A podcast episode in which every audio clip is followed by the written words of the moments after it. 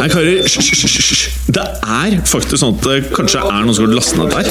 Sånn. Altså. Nei, nå må vi bli ferdig. La meg bare få spilt inn her, da. Velkommen til fotballuka!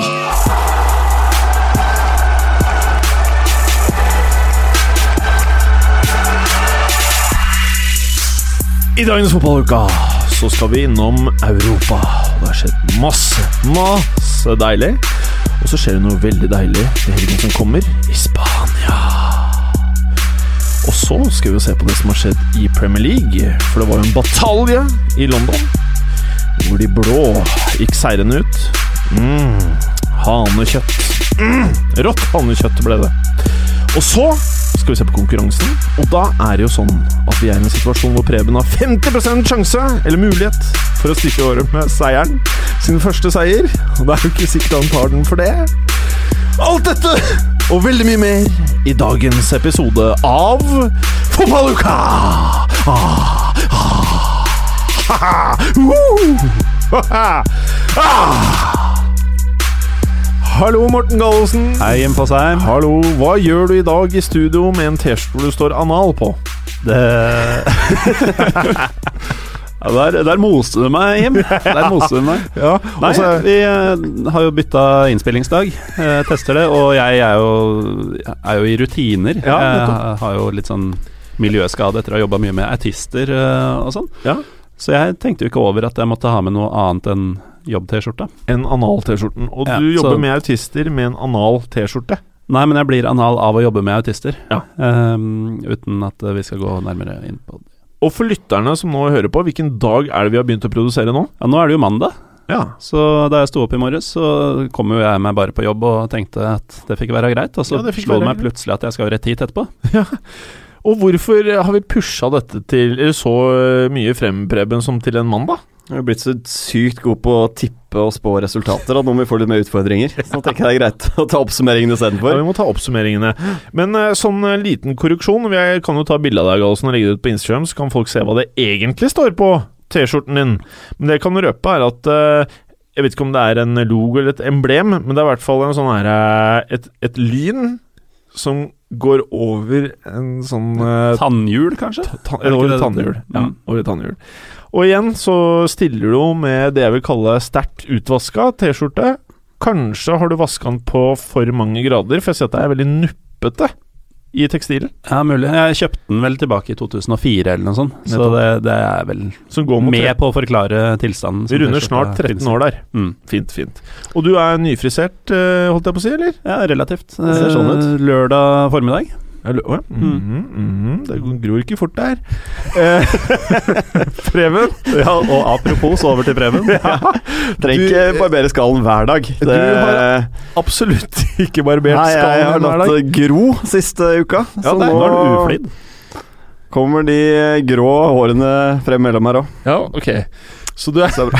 du, Det burde gå hjem og klippe meg, det du mener? du har George Costanza-looken, bare med grått hår Det er på sidene. Ja. Det. Men, men hvis jeg ser fort Ja. forbi deg nå, Ja. veldig, veldig fort, så ser det nesten ut som du har hår. Gjør du det, eller? Ja, hvis det gjør det veldig fort. Kanskje jeg bare skal la det gro? Prøv det, Gallosen. Jeg prøvde, men det gjorde vondt. Det kjennes ut som hjernen ble rista. Ja, det er for tidlig Prøv å bevege meg sånn i terrenget at alle må se fort på meg Ja. fremover. Ja, eller at har hår. du l- går veldig Jeg går- Men frem og nærmer, tilbake. deg, du nærmer deg vel en midtlivskrisegreie hvor du Ja, blir sånn uh, triatlonfyr? Det er riktig. Det, det, jeg er tre-fire år unna det, men ja. Mm. Men du er i utgangspunktet i jævlig god form, eh, Preben. Er ikke det. Du Det er bare at jeg legger ikke på meg. Du bærer jo rød av FC sesong Det gjør etter altså. sesong. Det gjør jeg. Ja. Med god lagledelse. God lagledelse. Veldig god taktisk, vil jeg si. Ja. Ikke Mm. cardio. Nei da. Uh, jo, for, for min del. Ja. ja litt. Litt cardio. Ja. Og uh, i dag så må du ha den løseste skjorten du eier. Jeg tror er, bare det eh, at uh, musklene blir mindre og mindre for Er hver det? uke vi sitter her. Er det? Ja. For det er null pupp. Og det, er egentlig null behagelig. pupp, så jeg må Er det behagelig? Ja, jeg syns det er greit. Ja. Jeg synes det er greit sånn som det er, jeg. Mm. Kan vi starte det andre fotballdelen nå, eller? Ja, mer enn gjerne.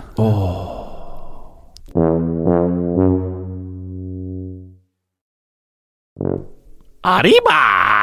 Sier jeg bare nå, for nå skal jo vi Ja, faen, vi skal jo ikke til La Liga først, vi skal til Bundesliga først. Da sier jeg Hva sier man da? Der sier man uh, 'guten tag, mein Herr'. Ja, guten Tag, mein Herr Galosen. Uh, willst du äh, sprecht, spricht am Freiburg Leipzig 1-4. Ja, äh, aber äh, ich Faen. Nå blir vi busta her på relativt Dere tror jeg kan gi oss en eller annen tysk uh, Vi skal ikke- fotballpodkast. Vi skal ikke skryte på meg noe vekttall i tysk også.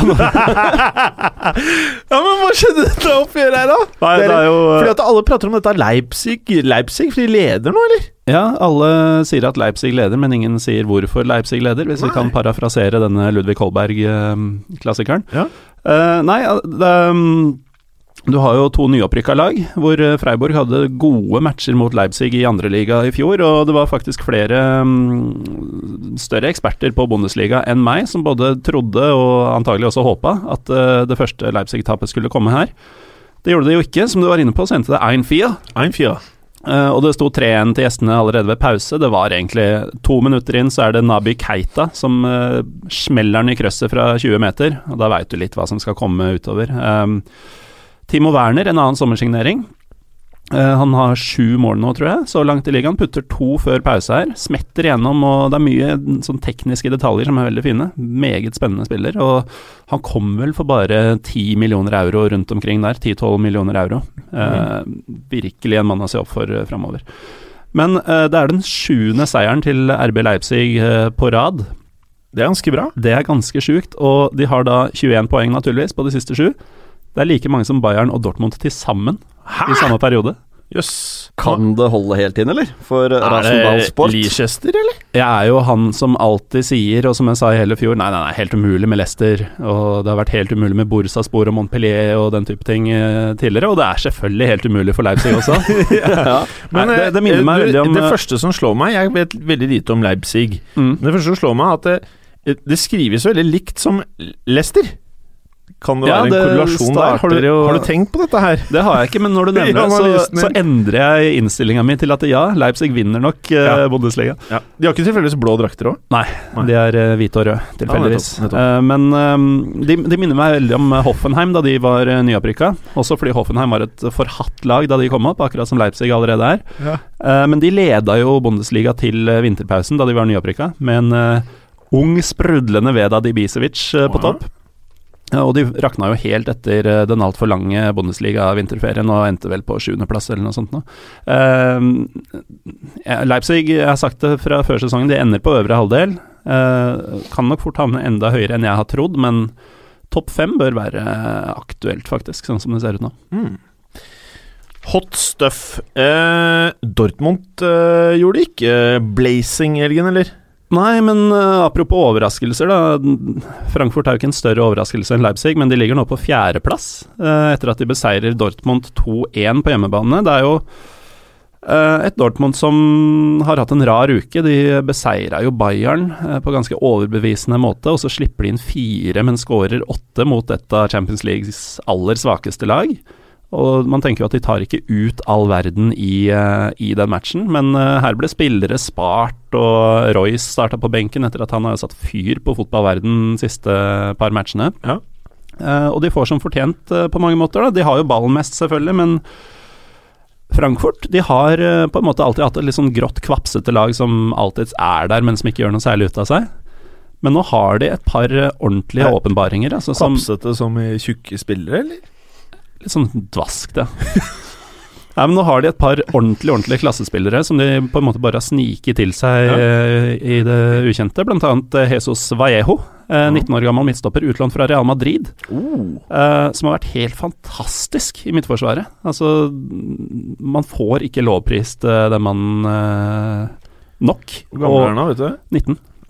Han er vel noe som eh, sikkert uh, Han skal tilbake. Det Ja. lukter sånn Carvahal-opplegg lang vei. Men uh, er, er, er han av spansk opprinnelse, eller? Jesus Vallejo. Ja, er Det er ikke noe Vallejo. Han tar for PP. Ja. Han er spansk, ja. Det, det er ikke noe Brasil her. Nei, ok. Nei, og så er det en meksikaner på offensiv midtbane som for heter første gang på lenge nå, så kunne jo nå faktisk Real Madrid nesten stilt, hvis de henter inn han, da, med full spansk eh, forsvarslinje, hvis Ja. de ville. Og det, vi var jo litt inne på den dekninga som Real Madrid plutselig har fått eh, litt også sånn som de har jobba sammen i det skjulte. Mm. Eh, og når de i tillegg til det vi nevnte i forrige episode, har eh, Vallejo eh, up and coming i bakhånd, så ser det veldig bra ut for dem. For da hadde rekka eventuelt blitt eh, Carvajal, og så moser du Nacho ut på venstre bekk. Og så har du Sergio Ramos, selvfølgelig, og denne Hva kalte hun? Vallejo. Vallejo. Eh, I tillegg til han så har de en lenger oppe på banen, en uh, meksikaner ved navn eh, Marco Fabian, Oh. som spiller offensiv midtbane. Han kom for fire millioner dollar, faktisk, i vintervinduet i fjor. Og han også er helt ustoppelig offensivt, så Fra Jaguars, eller? Uh, Husker ikke faktisk hvilken klubb det var i farta, men det var vel en liga MX-klubb. MX, ja. Men ordentlig røverkjøp, da. Så Dortmund da, de taper altså 2-1 på Commerzbank Arena, og eh, ligger nå som nummer sju. Ni poeng bak Leipzig og seks bak eh, Bayern München. Mm. Forventer jo litt mer av et lag som tross alt slo Bayern München for en uke siden. Mm, mm. Eh, apropos Bayern München, de eh, slo et eh, Leverkosen 2-1. Det ender 2-1 her, som de gjorde i eh, Frankfurt. Og um, jeg vil si Bayern er ganske heldige som får med seg tre poeng herfra. Eh, det var bl.a. en klar, klar straffe eh, som Leverkosen skulle hatt mot slutten på stillinga 2-1 til Bayern, eh, som dommer valgte å ikke blåse på. Eh, men det er da to headinger av henholdsvis Thiago og Mats Hummels som sørger for tre poeng til, eh, til Bayern her. Hvordan syns du Mats Hummels har vært i Bayern? han har vært litt rufsete, eh, men Noe mer enn resten av laget? Han, nei, egentlig ikke, men det er mer fokus på han siden han er en av de som har kommet inn og skulle heve standarden. Ja, Men Eh, er Hummels litt overvurdert? Jeg syns det er flere sesonger nå hvor han har vært rufsete. Det er også defensivt. Han er, altså. han er liksom en stopper av, av de som er best med ball, da. Mm. Det Lukta litt sånn man- Man City-stopper han lagde. Han har passet bra under Pep, det er jeg ganske sikker på. Ja. Uh, han og Stones som sånn fremtidig Guardiola-stopperpar, det hadde vært noe. Men uh, nei, det er helt riktig, Preben. Han har i alle år hatt eh, litt sånn eh, hva skal vi si eh, svake perioder. Virker som han mister hodet en del, uh, blant annet. Ikke Litt sånn for nonchalant, føler jeg. Ja. Ikke sånn BI Mustafi-greie, at han ru raser inn i dueller og får rødt kort og sånn, men at han bare gjør helt feil valg. Mm. Eh, Men nå blir han jo matchvinner her, da, så vi skal kanskje ikke slakte den akkurat nå. Men eh, det, som vi var inne på sist, det må justeres en del hos eh, Bayern. Det er langt fra så solid og overbevisende som jeg er vant til å se dem. Eh, Så får vi se, da. Nå spretter de tilbake, slår et forventa topplag etter å ha tapt mot eh, Dortmund, så kanskje her det snur. Jeg syns noe av det morsomste i Bayern akkurat nå er Rummenigge, som driver og disser Boateng. Og eh, det starta vel med at Rummenigge sa at eh, nå må du komme deg ned på jorda igjen, og du har blitt for superstar. Og så Jeg leste i hvert fall i dag, jeg vet ikke når uttalelsen kom, men Boateng sier da 'say it to my face'. Og dette er i samme klubb. Eh, det, er ikke det er ikke mellom Real og Barca, dette her. Det er i én klubb. At eh, sjefen Er han president, eller han er Rummenigge? Eh, Nei, han er vel eh, sportsdirektør eller noe sånt, for nå har de jo fått ny president. Ja, nettopp. Eh, I helga så valgte de atter en gang Oli Hones Ja. som klubbpresident, og han har jo sittet som det før. Ja, Før det han, han før han nå i en periode har sittet inne, Ja, nettopp. og nå er han tilbake i førersetet. Så nå har du altså Rummenigge og eh, Hones. Ja. eh, Det er mye sterke personligheter i toppen der. Men jeg føler at det er litt sånn utysk å ha sånne sånn halvkriminelle dudes så høyt oppe eh, der. Ja, det er litt sånn uh, AC Milan-følelse. Men uh, ja, hvordan tror du dette kommer til å utvikle seg? Kommer uh, Rummenigge til å si det to his face, eller? Det, det skal du ikke, skal du ikke se bort fra. Han er jo nærmest en MMA-fighter du får i fotball, føler han der båting Boateng. Ryktene har jo begynt å gå med Klopp allerede, da. At eh, Ja. Bayern eh, virkelig ønsker Klopp Men, eh, til klubben. Men hva tror vi om det ryktet? Jeg har null tro på det. Jeg tror ikke Klopp er personen til å forlate Liverpool etter kun én sesong. Nei, det ikke tror jeg ikke. Men om fem år, selvfølgelig, på et eller annet tidspunkt, tipper jeg at Klopp vil trene Bayern München. Men så er det noe med det at eh, han kan jo faktisk bygge opp noe stort her. Han Ja. kan jo gjøre det Ferguson sist gjorde i Manchester United, hvis han gjør alt riktig i Liverpool. Han er av alt dette her, men de har eh, navnet, de har fansen, og de har veldig mye for å kunne gjøre dette her, hvis de nå begynner å vinne ting og kommer seg inn i Mesterligaen og Nei, Champions League, da. Preben. Yes. Eh, et av verdens beste lag, Real Madrid, de tok imot eh, et av verdens ikke beste lag i Sporting eh, og vant 2-1. Ja, De fikk det ganske mye tøffere enn man skulle trodd, men det er kanskje fordi de spilte i resirkulert plastikk. Ja, jeg, For- jeg, Jeg kunne Det var Jeg fikk eh, sånn derre du vet Når noen tar sånn alfakrøll under et bilde på Instagram, Ja. da får du sånn direkte. Ja. Det var veldig mange som tok sånn alfakrøll på Jim Fosheim Instagrammen, og da fikk jeg sånn eh, eh, zoom på eh, ballene til Cristiano Ronaldo. Mm. Som var veldig synlig i denne våte, resirkulerbare hvite Ja, det- Jeg skjønner at folk tenker på deg når de ser det. For at dette føyer seg nesten inn i dickpic-æraen, da. Det har vi snakka litt om de siste par ukene. Ja, dickpicen. Mm. Ja, nei, det syns Ja, jeg er greit. det øste jo ned. Så for spesielt Ronaldo tipper jeg var ganske happy med regnvær, så han fikk vist hele kroppen sin. Uh, Hele åtte slash ti-packen hans. T-packen, ja. Så han skåret jo to mål òg, så han fikk jo mye tid i kameraer. Men uh, Real Madrid sleit, altså. Mm. Uh, Var det draktene, eller? Ah, det var nok litt eh, føreforhold også, men de draktene så ikke dødsdigge ut. De gjorde ikke det. Men eh, Sporting har et straffespark her eh, et kvarter før slutt, hvor de får muligheten til å utligne, men den blåser uh, due Kopp over mål. Kjente spissen til Sporting, kroaten. Ja. Nei, så de vinner, men det er, de vinner på en utrolig dårlig dag. Uh, men det er litt sånn de vinner og de vinner og de vinner, men jeg har ikke blitt imponert over Real Madrid i år. Det Men- er det som er litt spesielt. Men er det litt symptomatisk for de lagene som kanskje stikker av gårde med mest silverware på slutten av året? Det er det der. De har jo matchvinnere i begge ender, da, som Ja. gjør at de, Ja, de har fått seks poeng nå til øh, Barca, og vi har vært kritiske til Zidane også, men nå er han jo den Real Madrid-treneren med høyest seiersprosent gjennom tidene. Og så er jeg bare så imponert over det laget han turte å stille mot Atletico Madrid. Jeg vet ja. Bergeren var jo helt eh, sånn at Ja, det var, ja, var jo null stress. Men jeg, jeg, jeg er mektig imponert over at Zidane tør å gjøre de valgene han gjør. Og i sommer så sa han det Han ønsket at spillerne skulle få følelsen av at han hadde tiltro til det, ved å ikke hente inn store signeringer. Og det syns jeg er en fin greie, og noe man ikke er vant til med i det der eh, laget der. Ja, så syns jeg man ser for første gang på, på flere år egentlig at Real Madrid ikke er avhengig av enkeltspillere. Nå er Bale ute en lang periode. Spiller ikke så stor rolle. Jeg er helt sikker på at de kan plukke godt med poeng selv med Ronaldo ut eh, en periode også. Han har jo vært litt rusten tidligere år. De har Mhm. vunnet og vunnet. Men er det riktig å forstå at Ronaldo er toppskårer i La Liga i år? For jeg sjekka Nå sjekket jeg det her før Barcelona spilte, og da hadde Ronaldo 20 mål og 2 assist, og så hadde Messi 18 og 3 assist. Skårte han for Barcelona? Messi skårte for Barca, så Ja. oppe i 19. 19. Så da Mm. er Ronaldo faktisk toppskårer, og det er noe man kanskje ikke reflekterer over. Nei, og det er jo sjette gang på rad. Da. Han har over 50 mål i, en kalender, altså i et kalenderår. Ja. Det er jo helt ville tall, Ja. dette her. Det er ville tall. Uh, kan du snakke litt om Barca? Jeg først var inne på det. De uh, møtte jo Real Sociedad, det ekte Real, vil mange si.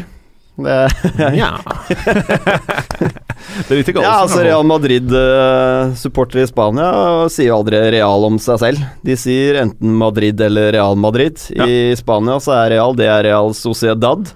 Og det er eh, på Anoeta har ikke Barca vunnet nå siden 2007, så de sliter. Hva kalte du det?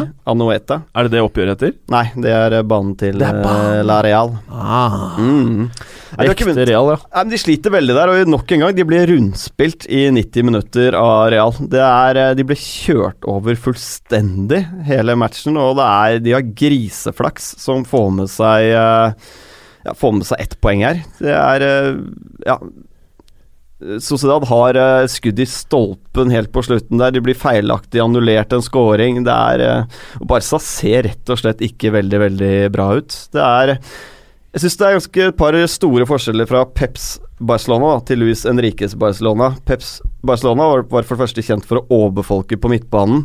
Nå er det så lange avstander mellom de sentralt på, på Barca. Det er kun Busquets du ser i midten der. De indreløperne da, blir altfor brede, og samtidig som Messi og Neymar jobber null defensivt om dagen. Det høye presset, den gjenvinning, den tresekundersregelen som de også var veldig veldig gode på, er totalt fraværende om dagen. Det er, det er noe sånn slapt og energiløst og Nei, det ser ordentlig, ordentlig dårlig ut. Nå fikk de smeller på Alba og Piquet også. Så det er noe usikkert om de stiller i El Clásico, som nå er eh, førstkommende lørdag på Kamp Nou. Det er eh, i så fall ganske hardt slag. Og Så ser man også at Henrike åpenbart ikke stoler på de han har på benken. Da. Han kjører de samme hele tiden. Han burde jo tatt av Piquet men turte ikke sette inn på unggutter. Men uh, det er veldig sjelden eh, For det første er det veldig sjelden jeg uttaler meg positivt om noe i spansk fotball. Det er også veldig sjelden vi har muligheten til å snakke om Real Sociedad. Den angrepsrekka deres, de tre framme, det er så sexy. Det er sånn, det er sånn Crystal Palace-sexy. Er det det, eller? Ja, Ja, Carlos spesielt- Vela er knallbra. ja, spesielt Oyarzabal har jeg veldig sansen for. Ja. William José også er tøff. Hva Og- spiller han da? Hm? Hva spiller William Spiss. Spiss? Ja. Nei, men altså Det er jo begrenset hvor eh, mange matcher Barca kan reddes av Messi. Det, han har reddet de fryktelig mange ganger i år. Nå er de seks poeng bak eh, Real Madrid allerede. Taper de mot Madrid nå eh, førstkommende lørdag, da kan det fort være kjørt, altså. Ja. Sånn som La Liga er, og så stabile som Real Madrid er. Det er eh, Jeg tror vi må tilbake til 2012 jeg, for å finne sist eh, Barcelona var seks poeng eller mer bak en serieleder. Mm. Så Men uh, for å dra over til uh, Sevilla-Valencia. Ja, det er jo, var et tøft derby her. Det er um, Sevilla er seks De vant 2-1 over Valencia. Um, Favorittseier der. Men de er, det er seks poeng bak Madrid nå, og Valencia de har nok en gang en eh, stor jobb med å Altså, det blir en kamp for å holde plassen i år òg, ser det ut som. Eh, det, er, det er synd, for jeg skulle gjerne hatt Valencia i toppen her. Jeg føler at de produserer mange talenter, men de, de får det rett og slett ikke ut. Altså Spillemessig så er de stort sett ganske bra i hver match, men det er det berømte boksene da, hvor de sliter veldig. En ting som kunne vært litt interessant med Valencia, faktisk, er å vie en av uh, podkastene våre til en sånn 20-30 minutters del om Valencia. For at eh, de er jo det laget som liksom man alltid har antatt skulle utfordre Real Madrid og Barcelona, og så skjer det motsatte. Og så er det alltid masse stjernespillere innom laget. Og man hører alltid om denne stadion som skal ta 75 000 mennesker som på et eller annet tids, tidspunkt skal komme. Og eierrettighetene er litt sånn ymse. Jeg syns det har vært veldig gøy eh, for vår egen del også å sette oss inn liksom skikkelig inn i Valencia. Skal vi gjøre det en gang? Gjerne gjør det, altså. Ja. Det var jo en periode tidligere i år hvor de etter fem-seks spilte kamper hvor de hadde høyest possession i La Liga, flest skudd på mål i La Liga, minst skudd mot eget mål i La Liga og hadde tapt de fem første, eller noe. Så de sliter jo åpenbart med, med å både skåre mål og Altså alt av sjanse mot de går inn, da, rett og slett. Det er en Eh, jobb å gjøre. og så er det Osasona Atletico Madrid. Der vant uh, Atletico Madrid 3-0 borte, og der syns jeg vi fikk se litt av det Atletico Madrid som uh, vi kjenner fra i fjor. Nå snakket vi om de Ja, det er jo ikke mer enn tre dager siden vi, vi snakket om Atletico Madrid. Men, uh, men nå syns jeg vi så noe av det solide. Simione plukket litt mer av de defensivt orienterte midtbanespillerne, da, så det var Gameiro og, og Griezmann selvfølgelig var, var på plass. Men Nei, det var, var solid. Eh, aldri noe tvil egentlig hvor dette her skulle gå. Mm. 3-0-seier. Gallosen, Ligue Ø, Monaco. Marseille. Og dette er Monaco-laget som du er veldig entusiastisk over. De bare fortsetter, de. De gjør det. Eh, kan jo starte med å fortelle at Marseille er akkurat den ruinen av en storklubb som eh, de har vært i flere år nå. Eh, Ja. Rudi Garcia har ikke fått til en dritt, og de ligger nå på tolvteplass. Taper her 4-0 mot Monaco. Eh, I det som burde være en klassiker. Uh, 7500 tilskuere, tror jeg jeg så. Så det er ganske triste rammer rundt Monaco fortsatt, så man må bare fokusere veldig Høres på litt ut som de, uh, Lyn. Ja, ja? Men det er det laget som scorer mest i alle lagene i de europeiske ligaene, er det ikke det? Monaco? Jo, jeg tror det stemmer, og det er jo en svært imponerende uke for Monaco. Altså Først så kjekser de Tottenham i Champions League, og nå 4-0 over eh, det som burde være egentlig en uh, topp fem-kandidat. Uh, og Thomas LeMar, uh, en av de aller største stjernene, blir spart hele kampen. Motinho tilbringer mesteparten på benken, så det er også en ganske god bredde. Oh, ja. Motinho er ikke starter. Eh, ikke denne kampen. Nei, han er ute av startelveren nå i Monaco. Mm. Så han sitter på benken. det. Gjorde det også i Champions League også. Mm. Så, Så nå spekuleres det i eh, vinterovergang til f.eks. Premier League. Moutinho Men- har vært linka med Tottenham så lenge jeg kan huske. Det er kanskje det plutselig skjer. ja. han har vel et lønnskrav nå, tror jeg, som uh, gjør at det er få engelske klubber som Ja. har cash til det. Men øhm, så er det heller ingen Falcao-scoring her, da. Så de Oi. putter fire uten at han tegner seg på lista. ja. Hvordan gikk det til? til? Det er spissmaker Valère Germain som eh, heller skårer to. Det er jo 3-0 før pause her. Uh, De kjører over Marseille. Eh, Mannen som erstatter eh, Falcao et kvarter før slutt, er Guido Carillo, som eh, også putter det fjerde. Så nå er Monaco ett poeng fra serieledelsen. Og som sagt, Marseille er nummer tolv. Det er ganske ræva. Ja. Eh, serieledelsen er Er det et av lagene i oppgjøret Lyon-Paris Saint-Germain? Det er det ikke. Det er et av lagene i oppgjøret Nis-Bastia. Ja, det er derfor du skada opp. Ja. Jeg håpet vi Yes. kunne hoppe over det. Ja, nei, det, Vi kan ta det veldig kjapt. Det er jo NIS som fortsatt leder serien, Ja. uh, men de har begynt å se menneskelige ut. Uh, det har begynt å normalisere seg litt, kanskje, på sørkysten. Uh, de avgir en del poeng for tida, og her var de uten Balotelli, som er skada, og kaptein Paul Base. Oi. Det merkes. de får 1-1 her etter å ha leda 1-0, så de glipper en ledelse i det som kan kalles et slags derby mellom uh, Riviera-laget og eh, Bastia fra denne steinen ute i Middelhavet som kalles Korsika. Oi. Og derfra så får jo PSG en gyllen mulighet til å knappe inn på forspranget NIS hadde, eh, da de dro til Lyon sent eh, søndag kveld. Lyon PSG får straffe etter 27 minutter, og på det tidspunktet hadde det vært Powerplay i 10 minutter i strekk. De hadde bare beleira halvdelen til Lyon. Um, soleklar straffe for øvrig. Det er Rafael som sparker på veldig klønete vis inn beinet til Tiago Motta. Soleklar straffe, og Kavani setter straffa. Oi. Eh, denne ineffektive mannen Hører du det, Preben? Som også blir matchvinner ni minutter før slutt, eh, og er oppe i 13 mål på 12 kamper i ligaen. Eh, ikke at det skal stilne kritikerne. Um, og hvis dere husker eh, hjemmematchen PSG hadde mot Arsenal tidlig i Champions League, så hadde han en sjanse hvor han ble spilt gjennom, tar ned på brystet med ryggen mot mål og sparker i lufta på sånne volleyforsøk. Ja. Han hadde et sånt som var enda lenger unna, og som han scora på eh, i denne matchen, men det var selvfølgelig offside. Så han hadde en skikkelig on fire-match, og det trengte dem fordi eh, da Lyon, etter å ha blitt rundpult i første, eh, i første omgang ja, jeg, forsvarer faktisk den glippen, fordi så jeg du ble overraska sjæl du sa det! Jeg forsvarer ordvalget, for de ble faktisk følte han seg litt hjemme her. De ble kjørt ordentlig hardt i første omgang og ligger under 0-1 til pause. Eh, bytter ut uh, Machei Rybus, som hadde vært en ganske ræva eh, kantspiller i første omgang, for Valbuena. Oh, ja.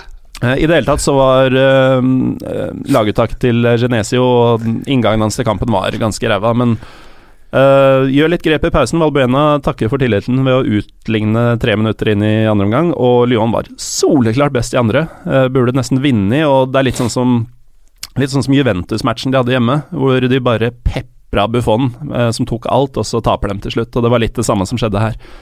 Så takk til Kavani, kan pariserne si. Ja. For en gangs skyld. Tror du Valbuena er lei seg fremdeles over Karim Benzemas eh, Ja, hva er Det er blackmail. Det er jo det. Det er det Ja, han har stått for, Ja, vel? ja, ja. Mm. Så Ja, både det og at han ikke f er starter for tida. ja, ja, nettopp. Veldig solid søknad nå, da. Solid uh, søknad. Er det noe mer vi Skal vi si noe om Serie A, eller uh, skal vi bare droppe i med at Bergeren uh, har vondt i tåa? Nei, Vi kan jo si at det ble et sjokktap for Juventus i helgen. Allegri fortsetter jo å rullere på mannskapet. Han har råd til det, selv om de ble rundspilt her av Genoa. Rundspilt, ja. Jeg valgte å bruke et litt annet ord. Ikke under 3-0 etter halvtimen.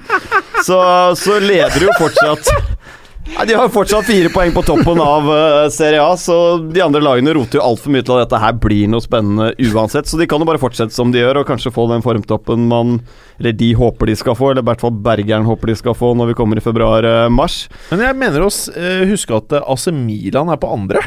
Ja, det falt ned til tredje etter at Roma slo Pescara 3-2 i går, men det er jo på poenglikhet, da. Så, Elin men de, Djeko putta to, syns jeg. så Ja. det er, Han er så eh, fin for tida. Altså. Han er fin, han er det. Men Milan de vant jo 4-1 bort mot Empoli. Det er jo overraskende at de Altså overraskende bra fra Milans del at de ligger så høyt oppe, men det mistenker jeg mer med hva skal jeg si, ferdighetene til de andre lagene, at Milan er fryktelig gode sjøl. Jeg, jeg, jeg syns ikke de er et veldig godt fotballag. Det er sånn halvsolid, men det er, det er småtregt. En mann som faktisk har vært bra i det siste, er jo Suso, som faktisk har sett ja, sett ut som den spilleren man kanskje trodde han kunne bli. Men, men det, bare for, fordi jeg reagerte på hvor mye italienere var på AC Milan eh, om dagen, så laget de stilte med var eh, Gianluigi Donnarumma, italiano.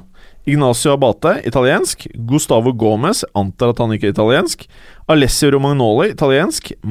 Mattia De Sciglio, italiensk. Eh, Mario Pasalic, vi antar at han ikke er italiensk. Manuel Lucatelli, italiensk. Mathias Fernandes, sikkert ikke italiensk. Og så er det Suso. Han vet jeg ikke hvor jeg er fra. Ikke Italia. Ikke Italia. Eh, Gianpaolo Lapadula. Han må være italiensk. Italiensk. så. Giantomo. Bonaventura. Ja. Også italiensk. Ja. Det er jo jækla mye italienere, og det er jo sikkert Hæ? Sju av elleve. Er det. Det er ikke så er det mange mange unge spillere der også, det har vi vært inne på tidligere. Så Og det dette her er vel eh, det Serie A trenger, da. Absolutt. Vi, det. eh, akkurat sånn som vi så i renessansen med La Liga. Mye gode spanske spillere. Noe England ikke har. Eh, altså gode Så lenge det er så mye penger i England, så blir det ikke det heller. Spanske spillere. Men eh, jo, det kan man si.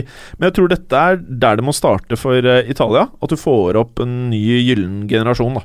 Så trenger man et sterkt Milan, et sterkt Inter osv. For, å- Ja. for å få interessen opp da i italiensk fotball. Men det store formlaget i Italia om dagen er jo Atalanta, som har åtte seire og én uavgjort på siste ni. Det er ganske oppsiktsvekkende, egentlig. De ligger og er bare fem poeng bak Juve og lukter jo litt på Champions League-plass. Og de skal møte Juve til helga. Mm. Skal vi nevne litt om vår eh, norske mann, eller? Alle samis, eh, Palermo, som står med syv strake tap nå. Og så skulle man kanskje tro at trenerbytte var det mest nærliggende å gjøre, men det, det gjør det jo annenhver uke uansett, så det Ja. ser ikke ut til å hjelpe. Så det der ser mørkt ut, altså. Ja ja, når det kommer en norsk spiller, så vet du hvor går. nivå det er på dette her. Ja, men det er fint, da. Da går vi videre.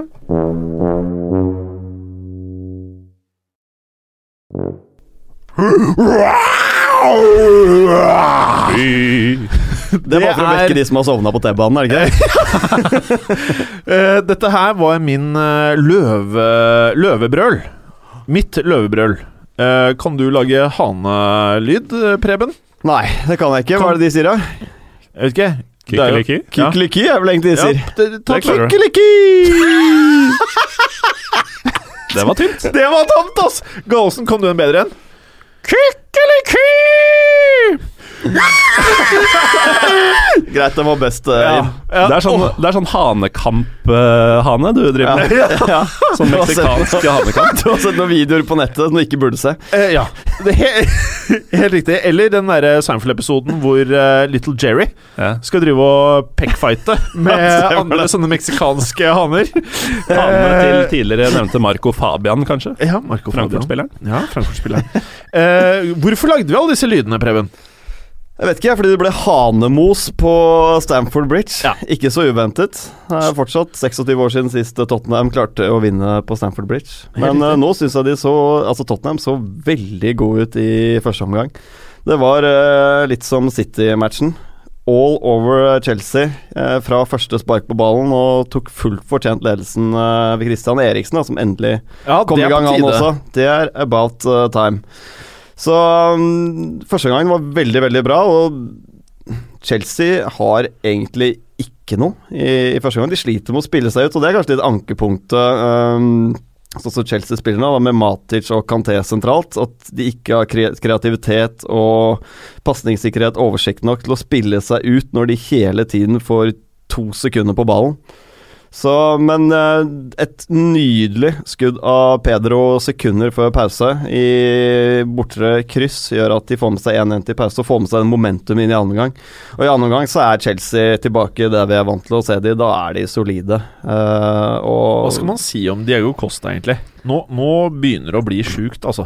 Ja, det er veldig, veldig bra om dagen. Og det leverer. forarbeidet han gjør eh, Det her er å ja. Som spiss, det her er å levere. Ja, han jobber knallhardt i hver eneste match og er jo et helvete for Jeg- forsvarsspillere. Jeg går faktisk så langt som å si at uh, Diego Costa er uten sidestykke min favorittspiller i Premier League i år. Eller uh, siste årene. Jeg liker de fæle, deilige greiene han holder på med.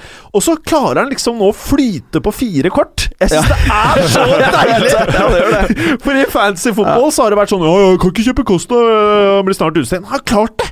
Ja, men Det er jo kult med sånne Altså så kan man hate sånne spillere, men det er det som gjør det kult å se på fotball, da, når du har noen av de idiotene også. Ja, hvis du, fjerner, man- hvis du fjerner sånn her Cristiano Ronaldo-attitude, hvis du fjerner Ja. Diego Costa, hvis du Ja. fjerner Joey Barton, hva er du har igjen, da? Ja, Alle sier at the end of the day. At Ja. the end of the, du Ja. blir jo know, we know. Nei, men eh, Tottenham har et uh, problem som vi har snakket om, at de er for dårlig i egen boks og for dårlig i motstanders eh, boks. De utnytter ikke det overtaket de har. Eller er problemet så enkelt som Toby reild Ja, det kan du også si at de For jeg føler at han er litt sånn leder veldig- nå. Han er det. Ja. Ehm, men det er noe med at de, de har ikke nok gass til å holde det presset i 90 minutter. De slukner etter timen eh, stort sett i hver eneste kamp, og da bør de ha fått seg en eh, tomålsledelse før de kommer til det punktet. Og der har du også kanskje det som gjør at vi ser på Chelsea som en større favoritt enn Tottenham eh, til gullet også, er at eh, der Chelsea eh, kan sette inn Oscar og William når de skal gjøre litt forandringer ut i matchen, så setter Tottenham inn Winks og Nkodo. Ja, ja de har en Det er tynn benk. Det er førsteelveren som gjelder sånn som det er nå om dagen i Tottenham. Det er det. Mm. Så, men vi skal ikke ta fra Altså, Chelsea er mye, mye mer solid lag, sånn som jeg ser det. Og syv strake seire nå under Conte. Det har ikke skjedd siden eh, Mourinhos eh, glansdager i 2012. Når Mourinho fortsatt ikke var grå i håret. Ja. Eller ikke var grå i håret. Ja. Er det noe mer vi skal si om dette oppgjøret? Nei, altså Tottenham går inn i De har vunnet én av de siste seks i ligaen. Og må, har jo egentlig, Nå har det blitt en uh, syv poeng opp vel til eh, ligaleder, og det har blitt en eh, s- ja, god luke opp også til eh, Det er fire poeng nå, opp til Arsenal på en fjerdeplass. Så, så tabellen begynner på en måte å dele seg litt nå. Det er en firer på topp der som er i ferd med å stikke av litt. grann. Nå har eh, Tottenham eh, veldig overkommelig kampprogram de neste seks-syv kampene, så de er nødt til å sette sammen en rekke nå på, på fire-fem strake seire om de skal være med helt der oppe, eller så blir det en sånn Europaliga. Men var liksom greia om å ikke stille med toppa laget for Tottenhams del i Champions League, var det liksom for at de skulle performe bedre mot Chelsea, tror du? Jeg kan ikke se noen annen grunn til at de sparte spillere mot Monaco, enn at de, skulle, at de anser at det er viktigere å få tre poeng på så- Stamford Bridge enn Champions League. Ja, vi slakta jo det på torsdag også. Ja. Når du først har gjort alt du kan for å komme til Champions League, og så gir du fullstendig faen Ja, når du og det først har vært. Tottenham-supporter. Jeg har vært Ja. ganske sint nå, faktisk. Eh, Men de, nå- de ja. performa jo ganske bra mot Chelsea. De fikk jo ingenting igjen for det, men de hadde Neida. jo ballen mest, de hadde flest avslutninger. De var klart best i første omgang. Ja, Et rettfer- rettferdig resultat Så hadde det vært en jo uavgjort, eller kanskje til og med en Tottenham-seier. Mm. Men, men det er noe med at de gode lagene, da, de solide lagene, de, de skårer de avgjørende målene. da. De, og slipper ikke til bakover. Det er, det er noe mer solid, da. Mm, mm. Så man ser enkelte andre lag som også sliter med det samme som Tottenham. Bare kort, eh, hvordan var Hazard? Eh, Jeg syns han var ganske anonym i den matchen. her Fikk ikke til veldig mye i det hele tatt. Det var egentlig veldig få av Chelsea-spillerne som fikk til noe særlig. Det Mm. var eh, relativt sjansefattig kamp, altså. Og Grunnen til at jeg spør om nettopp dette, er fordi at eh, vi er jo veldig opptatt av liksom, hvem er ny- nye Ronaldo, hvem er nye Messi? Eller det er kanskje litt feil å bruke uttrykket, kanskje får vi allerede. Eller jeg tror vi kommer til å gjøre det, men kanskje får vi det ikke i den generasjonen som kommer nå. Men det som er den største forskjellen på de liksom supertalentene man har nå, og de gutta her som vi prater om eh, sesong etter sesong i fotballuka, det er det at eh, det er den konsistensen. Ja, Uansett hvem du møter, da. Ja, eller møter- consistency, er det kanskje. Ja, jeg på norsk si. så går det der ganske dårlig. Ja, Hva er det blir på norsk? da? Stabiliteten. Stabiliteten. Stabiliteten, ja. Ja, det er derfor du, du er, du har vekttall i norsk òg. Mm. Eh, og det er der jeg liksom Når jeg ser Hazard på topp, kjempebra. Jeg ser Alexis Sanchez på topp, kjempebra. Men så ser jeg de eh, to-tre kamper etter det, hvor de ikke er i nærheten Nei, de av liksom forsvinner fullstendig Ja. fra matchen. Hazard ble jo tatt der eh, var det ti minutter, kvarter før slutt også. Og, Ja, og det er jo som du sier, det er forskjellen på de beste og de nest beste. Eh, Gallosen, Mm. Manchester United, uh, Westham 1-1. Burde United sitte med noe mer enn uh, ett poeng her? Definitivt. De eh, jeg, sa det etter Arsenal-matchen også, jeg syns de ser spillemessig bedre ut enn de har gjort eh, på lenge, men de har jo dette, for de som eh, har lest Ian McIntosh sin eh, CM0102-føljetong, eh, så har jo de det McIntosh-syndromet, at de spiller motstanderkeeper god hver eneste gang. De gjør det. Altså Verken Tom Heaton eller, eller Darren Randolph er uh, spillere som skal kunne stå i veien for det galleriet United har. I hvert fall ikke når de skaper en 10-12 gode sjanser. Nei, og det er, det er rart vi snakket jo litt før sending her, at de hamra jo inn uh, skåringer og så confident ut da, foran mål i, uh, mot Feyenoord, var det vel, på torsdag. Ja, lekte med dem. Ja, så kommer de nå i helgen og um, nøler veldig mye i avslutningsøyeblikkene. Altså, det, det er ikke uflaks dette her, det er udyktighet. Det er det at de tar det ekstra touchet. uh, blir for stressa alene med keeper.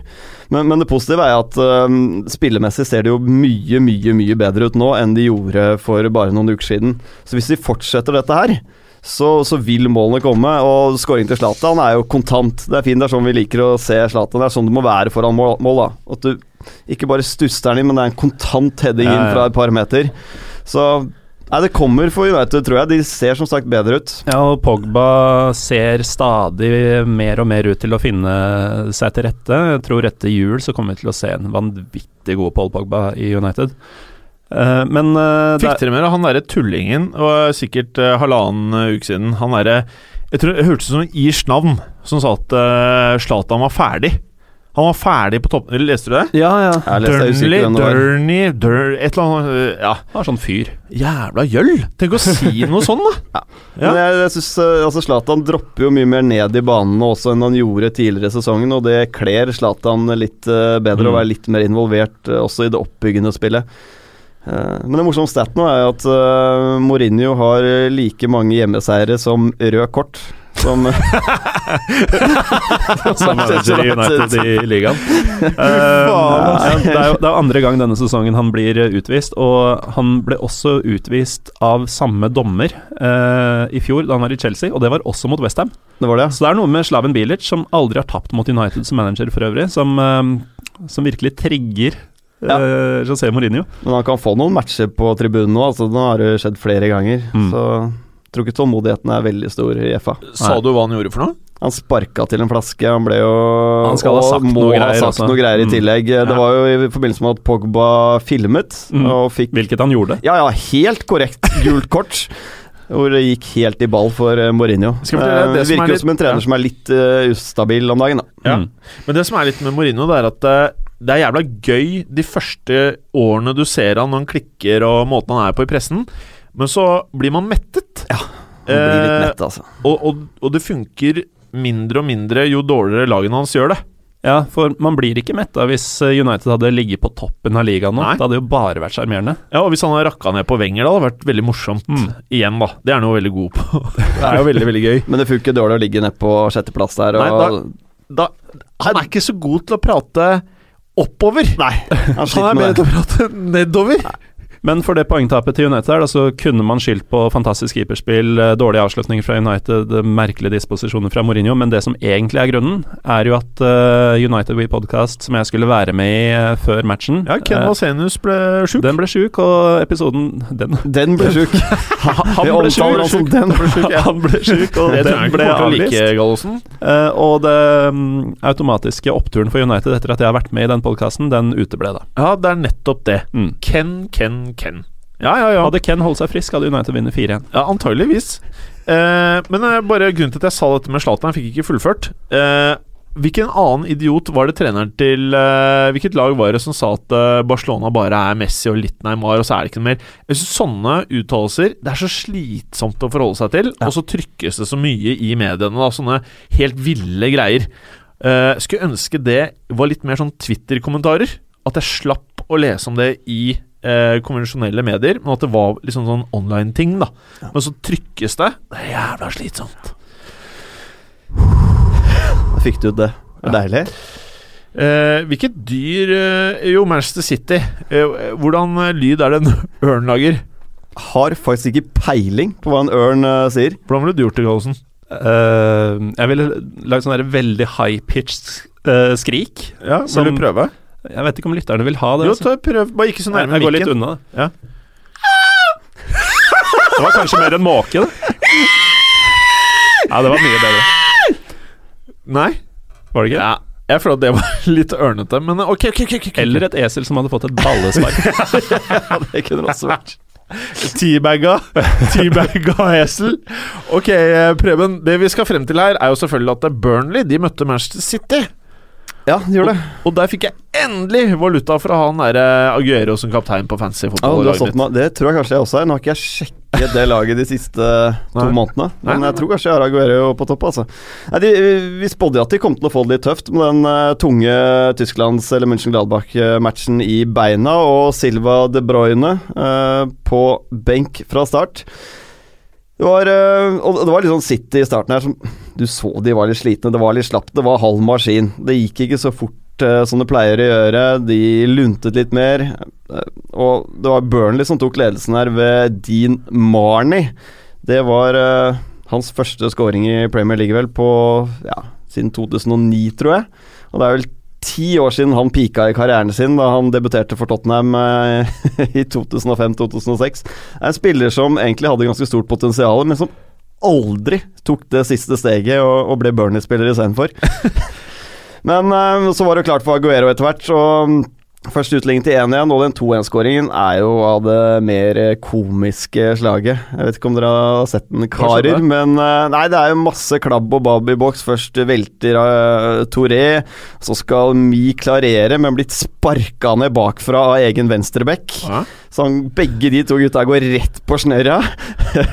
og så plukker Fernandinho opp den løse ballen og får slengt den inn i midten, hvor han treffer Aguero i kneet og den spretter i garnet. Så den her YouTube-moment, altså. Ja, den skal jeg YouTube. Ja, men uh, det er jo fortjent her at de vinner uh, 2-1. Det er det er liksom veldig mange av topplagene denne uken her som måtte slite for de tre poengene, men de tar det hjem allikevel. Litt sånn som Chelsea også, og ikke minst Arsenal. Mm. Uh, og Real Madrid, som du prata om. Real Madrid, ja. Og Bayern München. Uh, og Bayern München. Uh, kan du nevne at Aguero nå har 33 mål på siste 34 i Premier League for City. Det er mm. greie tall. Kanskje han som er nærmest de to ja. gutta i verden for øyeblikket. Messi, uh, Messi. Ikke Neymar, Bale, Aguero, kanskje Aguero. Ja, mm. ja Jevnt og tett. Jevnt og tett.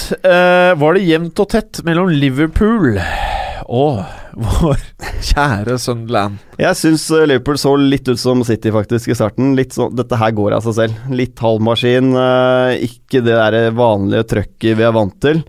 Eh, men synes jeg det positive med Liverpool da, er at etter hvert som klokka nærmer seg 90, så bare øker presset gradvis på mer og mer og mer, og man sitter med følelsen at den skåringen den kommer.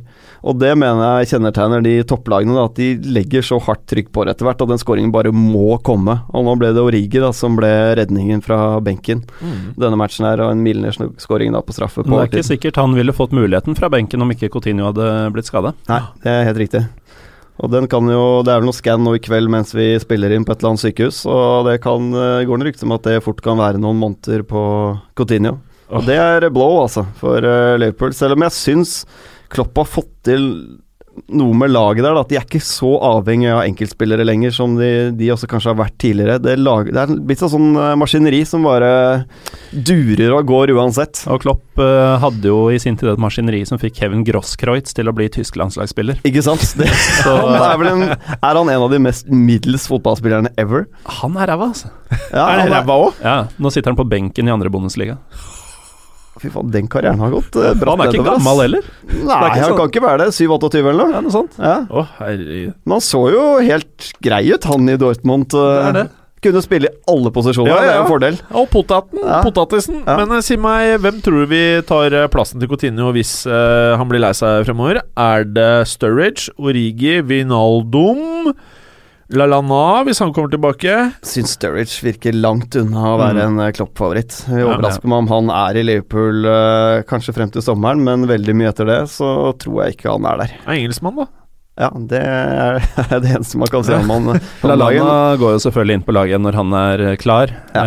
men det er ikke sikkert han går opp i den posisjonen. Nei, det blir Origi, muligens. Det, mm. det gjenstår å se. Men jeg syns han har noen alternativer, i hvert fall. Klopp. Og det kan man ikke alltid Eller har man ikke alltid sagt om Liverpool. Da. Kan du skyte inn at en ekte Origi, nemlig Lillestrøms kenyanske landslagskeeper Arnold uh, Han var uh, på Anfield Arnold Origi? Mm, han var på uh, Anfield og fikk se fetteren sin bli helt. Er det fetteren? Mm. Så det var fett. Prøver, tror du han han fetter Origi prøver å få han din Origi inn i laget, eller? Det er uh, Divok som er fetter Origi. Ja, men ja. tror du Divok prøver å få han din Origi inn til Liverpool? Arnold er 33 og godt etablert på Romerike, så det tviler jeg på. Bytter ikke en Romerike med Liverpool, for å si det sånn. og så Gallosen, når vi er inne på lyder Så Arsenal, de har en kanon. Hvordan høres en kanon ut? Uh, du spiste jo veldig mye meieriprodukter i helga. Du uh, kunne kanskje forklart det bedre? Kom med et godt eksempel i sted, si. Men, uh, Kom en liten braker i studio tidligere òg. For, for, å liksom kicke i gang Arsenal Bournemouth, hva slags lyd?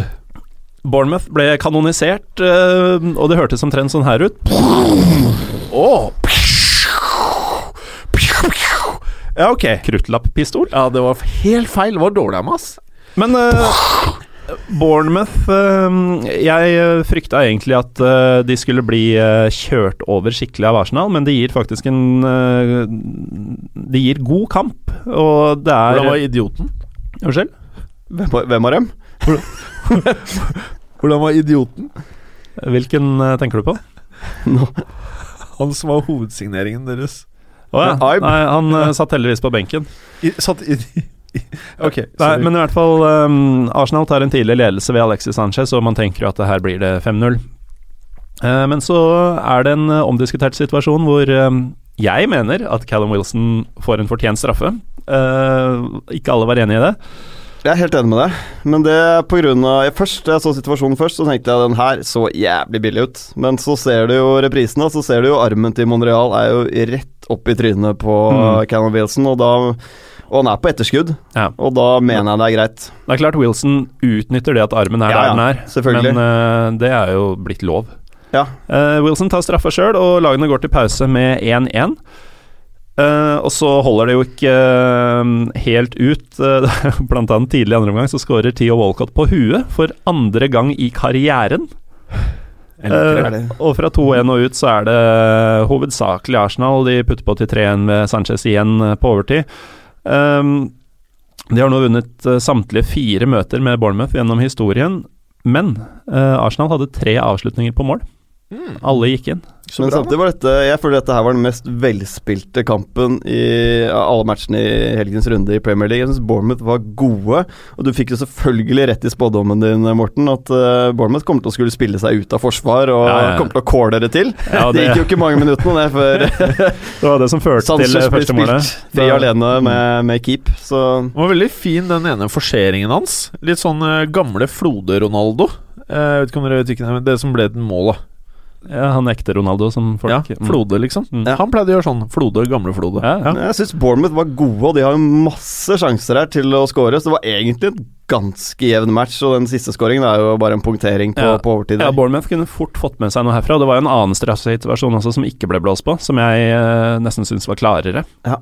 Eh, så Arsenal heldige, men også gode, som får med seg seieren her. Og ja. som veldig mange andre lag vi har snakka om i dag, sliteseier til det forventa topplaget. Ble det sliteseier når Southampton uh, tok seier mot Everton? Altså De vant jo bare 1-0, men uh, det var fullt fortjent. Og den skåringen kommer allerede etter 45 sekunder ved Charlie Austin. Ny, da. Ung uh, Southampton-spiller med assist der. Josh uh, Sims. Han, han var bra. Ja, han var veldig bra. Han gikk til, begynte bare å renne inn Twitter-meldinger etter ti minutter i kampen at Liverpool har lagt inn bud på 35 millioner for Josh Sims. Vi får se hvor han ender opp, men han så bra ut, altså. Det er et eller annet med det Southampton-akademiet som bare spytter ut talenter. Så, men dette her eh, Everton var bleke, og fullt fortjent uh, seier for uh, Southampton, dette her. Men det er én seier nå på siste åtte for Everton, og ja, Koman får vel ganske god tid, men uh, det virker ikke som han helt klarer å snu dette her. Det er, det er, noe sånn seigt over det. Det var en periode, nei, en time spill av den kampen her, tror jeg Lukaku hadde flere touch i egen boks enn i motstandernes 16-meter. Uh, Ett touch mot to. så han blir veldig isolert alene på topp der. Så de må gjøre noe på Goodison for å snu dette her. Nå har de United det neste, da. Da har de vel motivasjon, tenker jeg. Ni mål. Og så er det noen i dette studioet som av og til er frekke nok til å si at palasset ikke er sexy.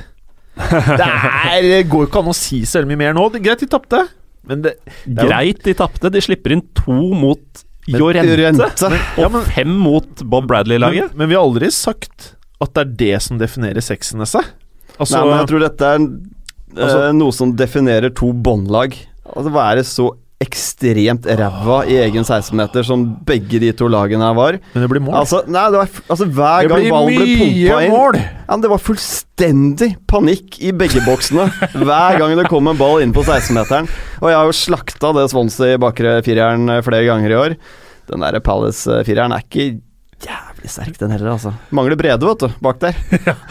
Men uh, du, du, du, du kan ikke si at det er usexy. Nei, men dette er jo faktisk den, den sjukeste kampen i Premier League som jeg kan huske på år og dag. Ja. Hvor dette er svinger. eh, Swansea leder 3-2, Og er og så er det tilfeldig ja, at Palasset er involvert. Nei. Ligger under 4-3, og det er fem minutter igjen, og så snur de det igjen med to overtidsskåringer. Den derre berg-og-dal-bane-feelingen til supportere i den matchen her må ha vært uh, Jeg var glad jeg var nøytral, for å si det sånn. Og sakte, men sikkert så begynner vi å se hvor deilig Benteke faktisk er. Men uh, det minna meg litt om uh, du er ikke helt enig, Preben? Når disse laga som aldri vinner, eh, omsider må gjøre det, så minner dette meg litt om den Bournemouth-Sunderland-matchen for noen uker siden, hvor eh, jeg nærmest spådde at eh, nå er Bournemouth så stor favoritt, og Sunderland har tapt så mye at nå vinner dem. Eh, det var litt utgjort at det måtte skje mot Bournemouth akkurat da, og det var litt sånn det samme med Swansea nå. Eh, du må være Palace for å tape mot dem, på en måte. Ja, Nå er det vel en Alt strik lå til Er det syv strake tap de har nå? Uh, Crystal Palace. Og Men i hvert fall, det, det ble ni mål, og det var underholdende. Nei, men det er jo to lag Swansea har jo vi spådd rykker ned eh, Mm. i vårt sesongtips. Jeg, visste et altså Crystal Palace Nei. Ah, nei. Nei, De kan redde seg med at Sunderland og Hull, da, ikke minst, Jeg er tror så dårlig går som de eh, er. veien, At de overlever nok. Men jeg tror det går veien. Hvilken vei? Hva er det du ser, 16.-plass? eh, Hør nå, hør nå. Hva er det du ser som ikke vi ser? Uh, det er greit nok dette med den dårlige striken som Party har i alle klubber, da. Men eh, når han først er igjennom den dårlige streaken, så plutselig kommer det uh, Da begynner vi å se dansen igjen, så kommer Sexnesset, og så skal du faen ikke se bort fra at det blir uh, yeah, to-tre plasser clear og nedrykk. Det er vanskelig for å, si, uh, for å se at det er en langsiktig løsning for Crystal Palace å ha Pardew ved spakene. Mm. Jeg kan ikke se for meg at de kan klatre opp og bli en La oss si en topp åtte-klubb, hvis man kan ha det som et mål. Med, med Pardew, det, det kan jeg ikke tenke meg. Og så må vi ikke glemme at uh, kalenderåret 2016 for uh, Crystal Palace Fra nyttår og langt, langt ut til våren så var det jo vel det lag med dårligst poengfangst i Premier League. Et Premier League som da hadde Sunderland, blant annet. uh, og så har jo det egentlig bare fortsatt nå utover. Så Ja. totalt sett, 2016, så tror jeg fort vi snakker, uten at jeg har statistikken for meg, kanskje det dårligste Premier League-laget. Altså, det jeg helt riktig. hører, Tror det er tre seier eller noe. jeg hører hva dere sier, men jeg har aldri hevda Men du ser ikke, sier Jeg har aldri hevda at deres prestasjoner på tabellen har noe med Sexnes å gjøre. Jeg sier at det er digg. Det er, det er jævla deilig når du ser det på banen. Ok, med det så tror jeg vi bare avslutter her, jeg, eh, den der eh, delen her. Og så eh, får vi se om Preben har tar den 50%-en han I faktisk dag har jeg trua. ja. Ja. Woo! 50 Preben. Eh, for nye lyttere så er det sånn at eh, vi eh, skal ha konkurranse i dag. Fotballuka-konkurransen. Og i Fotballuka-konkurransen så er det slik at man har en lyd som representerer da lyden, for at man da ønsker å svare på konkurransen. Som en slags buzzer-signal. Ja, noen kaller det buzzer-signal. Så er det x antall spørsmål, og så vinner Morten Galaasen til slutt. Fordi Berger ikke er her. Berger ikke er Men i alle fall da Så går konkurransen ut på at jeg quoter noe som har blitt sagt i fotballverden. Så gir vi tre alternativer Og hvis du svarer feil, så kan alt skje. Det kan bli minuser og plusser og alt mulig. Jeg trenger en penn, by the way. Ja. eh, Skal jeg rasle litt oppi denne boksen? ja, rasle litt oppi boksen du. Eh, Og så er det jo gjerne sånn at på siste spørsmål Så er det bonuspoeng i alle bauer og kanter Som Preben som regel pleier å gjøre det ganske sterkt i eh, Og med det så skal vi høre hvilke lyder Eller buzzer-signaler eh, Paneldeltakerne har i dag Hva har du på lager, herr Morten Gallosen? Nå passer du kjeften din, ellers smeller det! Og det er fra Det er en eh, klassiker, film. Det er fra middagsscenen i Hva med Vennerøs, Lasse og Geir. Ja. Og det, det er en depressiv scene som har blitt morsom. Eh, Preben, Legg merke til at du har en veldig lav lyd, så jeg prøver og bare å overgå det for å det er ofte smart, Preben. Det har du lykkes med tidligere. Ja, helt ok. Jeg gir Morten Galesen allerede fra start, og det glemte jeg å fortelle nye lyttere, at vi har ofte litt sånn random eh, bonusfordeling. Og med det så får du tre bonuspoeng, Galesen, fordi du har den feteste lyden. Takk. Føler, Ja, Føler du dette som random eh, eller systematisk, Preben? Systematisk. Beklager ledende spørsmål. Ja. Jeg gir deg bonus for du var morsom, Og så gir jeg Preben minus for ikke å være morsom. Uh, Gerard did not look me in the eyes because he was afraid. And he was afraid to speak to me. Hvem? Ok, minus på deg, Preben. Det var før jeg har tatt alternativene. Så på minus to allerede. Eh, A. Mario Balotelli. B. El Haji Diouf. Se! Øyvind Leonardsen! Det er, den, den får du, Preben. Hvem er det som har sagt dette? Det er fristende å si Leo. Eh, litt vanskelig for å se at han kanskje har gjort det, så jeg gambler på vår alles venn El Haji Diouf. Helt riktig, Preben. Og med det, jeg gir deg tre poeng. For Takk skal du ha. den, den var ikke så lett, så du er oppe på ett plusspoeng. Neste. I joked that I hated Ronaldo because I was still suffering after the Euro 2016 final. I have a lot of respect for him. Hvem er det som har sagt dette? Er det A. Paul Pogba? B. Karim Benzema? C. Antoine Griezmann? Jeg tror faktisk det er Gallosen. Du er så høy vet du, at jeg sliter med å høre, så jeg gir den til Gallosen. Ja, eh, det var Antoine Griezmann. Det er helt riktig. det er helt riktig det er helt, Du får ett poeng, for du er på fem. Preben er på ett. Neste colt. My dad told me before the game that he had already scored against Juventus. I've satisfied his desire. Er det A. Giovanni Simione. B. Sean Wright Phillips. C. Ørjan Berg. Du får den, Preben. Du får den! Jeg uh, gutser på at det må være eh, sønnen til Diego Simione. Giovanni Simione. Tror du ikke det er Ørjan Berg? Er det det? Nei, det er ikke Ørjan Berg. Jeg gir deg tre bonuspoeng, Preben. Nå ble jeg nesten usikker her. Du er på fire poeng, ett bak Morten Gallosen. Oi, nå er oppe i ringa. Oh, hør nå her, karer. There is no doubt this team is ready to play against park buses. Last year, of course, a few teams played defensively against us, but this time, because we are better, we have forced them into situations situation like this. A. Jürgen Klopp. B. Digio, Digi, Di, Diego. Simeone.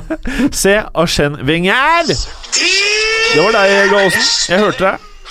Eh, det er Jørgen Klopp. Det er Jürgen Klopp. Det er helt riktig. Den var ikke så vanskelig. Så gir jeg ett poeng. K- Case in point er vel akkurat det som skjedde på Anfield mot Sunderland.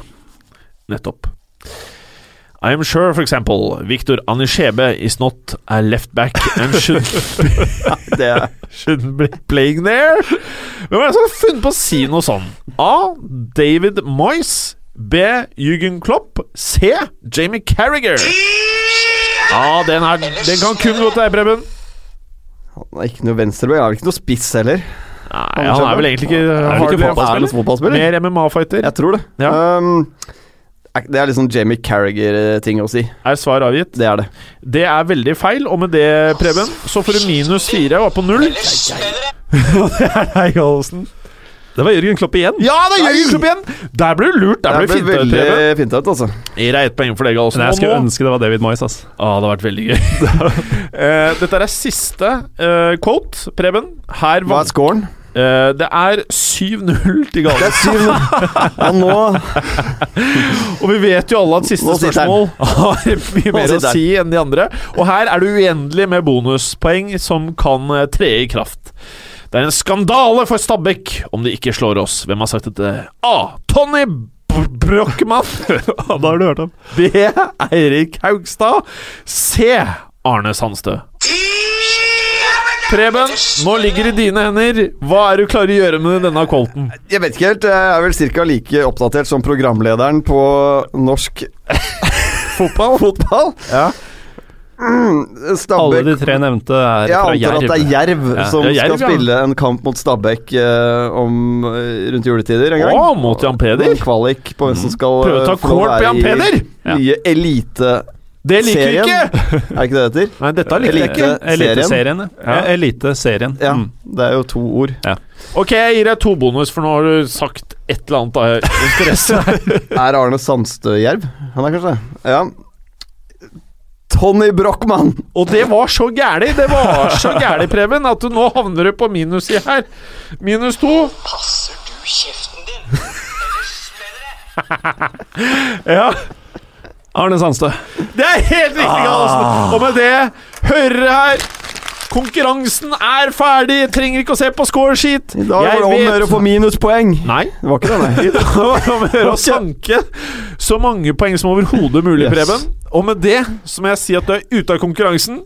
Og du klarer heller ikke å utnytte den 50 sjansen du hadde for å ta Så hjemme får, det jeg er i ute av dag. konkurranse. Men får det var ikke annenplass. Nei, du er ute for i dag. Ute for i dag. Og du, du får ikke annenplass heller. Nei. Og med det, Morten Gallosen, så er seieren din. Og det er deilig. Det er deilig. Ja. Og jeg føler at det var en hard fought eh, victory. Det Ja. var sånn sliteseier som alle topplaga har hatt eh, denne helga. Men in the end of the day, så Så vant jeg med så 20 gikk poeng eller noe. Så vant sånt. du med 20 poeng. End of the day. Og med det så sitter du her i den flotte Anal-T-skjorten din Mm. og kan stikke med seieren. Føles det deilig? Det føles deilig. Og eh, blåmandagen er over etter dette, for å si det sånn. Ja, fytti rakkeren. er noe Har du noe sånt. siste du ønsker å si til lytterne, Preben? Nei, egentlig ikke. Nei, du er der. Ta egentlig ikke noe på hjertet. Det er jo første mandagen vi spiller i en fotballuka på Er det et år Ja, i hvert fall Nei, i siden fjor. våres. Ja, våres. Jeg fikk for øvrig en på Twitter i dag, for jeg la ut eh, vanlig Altså begynte å legge ut da at Ja, ja. jeg oppfordrer eh, lytterne til å komme med noe innspill om hva vi Ja. skulle diskutere. Og jeg fikk jo en i dag, jeg vet ikke om du har sett den, Jim. Det har vært også. En av våre venner som lurer på hvorfor jeg forlot en WhatsApp-gruppe, og ba meg redegjøre for det på lufta. Og det okay. er da en sånn WhatsApp-gruppe som diskuterer fantasy-fotball. Ja? Det er rett og slett fordi det er to av gutta som spytter ut ca. 30 meldinger hver dag. Og når det nærmer seg helgen 50 meldinger hver dag. Det er grunnen til at jeg er ute av, melding, er ute av gruppa. Ja. Men så er det sånn når du forlater en WhatsApp-gruppe, da, så får du ikke med deg hetsen som er om deg selv. Nei. Det er det eneste kjipe med å forlate en sånn gruppe. Ja. Men så blir det roligere. Det blir veldig mye roligere. Livet blir bedre som regel. Gjør det. Gallosen, har du noe du ønsker å si til lytterne? Det er uh, Fenerbahçe mot Besiktas uh, lørdag klokka fem. Ja, Den bør alle få med seg. Drit i Classico. Mm. ja nettopp. nettopp. Og du skal jo snart spille inn eh, For jeg drev og lette gjennom eh, kartoteket på telefonen og skulle høre på Pyro. Ja. Eh, Hvor er Pyro? Pyro kom ut forrige tirsdag, og kommer flere til uka. Ja, kommer til uka, ja. Ja, altså allerede denne uka skal jeg spille inn både én og to og tre episoder. Én og to og tre! Ja, men det som er fint med Pyro, vet er at det er ikke sånn dagsaktuelt. Nei, så jeg kan det. spille inn noen, og så ha dem liggende, sånn at jeg Ja. slipper å styre og stresse Ja. eh, når jeg syns det begynner å bli lenge siden sist. Jeg hørte du var på eh, både en og annen fotballekspert der som gjester. Det var jo både Hvem er det vi prater om nå? Nei, mister podkast norgesmester eh, Kasper Wikestad, som tydeligvis skal være med i alt. Ja, jeg mener at du er den som Altså, du var jo i fire av de største fotballpodkastene i Norge på én dag. Det er godt gjort. Ja, det var veldig godt gjort. Ja, ja, ja. Men Pyro Pivo kommer da altså onsdag eller torsdag? Eh, det kommer Pyro Pivo i nær framtid. I nær fremtid. Det er et fint svar. Eh, og for dere som hører på Fotballuka og United Podcast, så var Ken uh, sjuk. Og han er tilbake denne uka. Og det betyr jo at vi kanskje må få med deg, Gallosen, sånn at United begynner å vinne igjen. Ja. ja.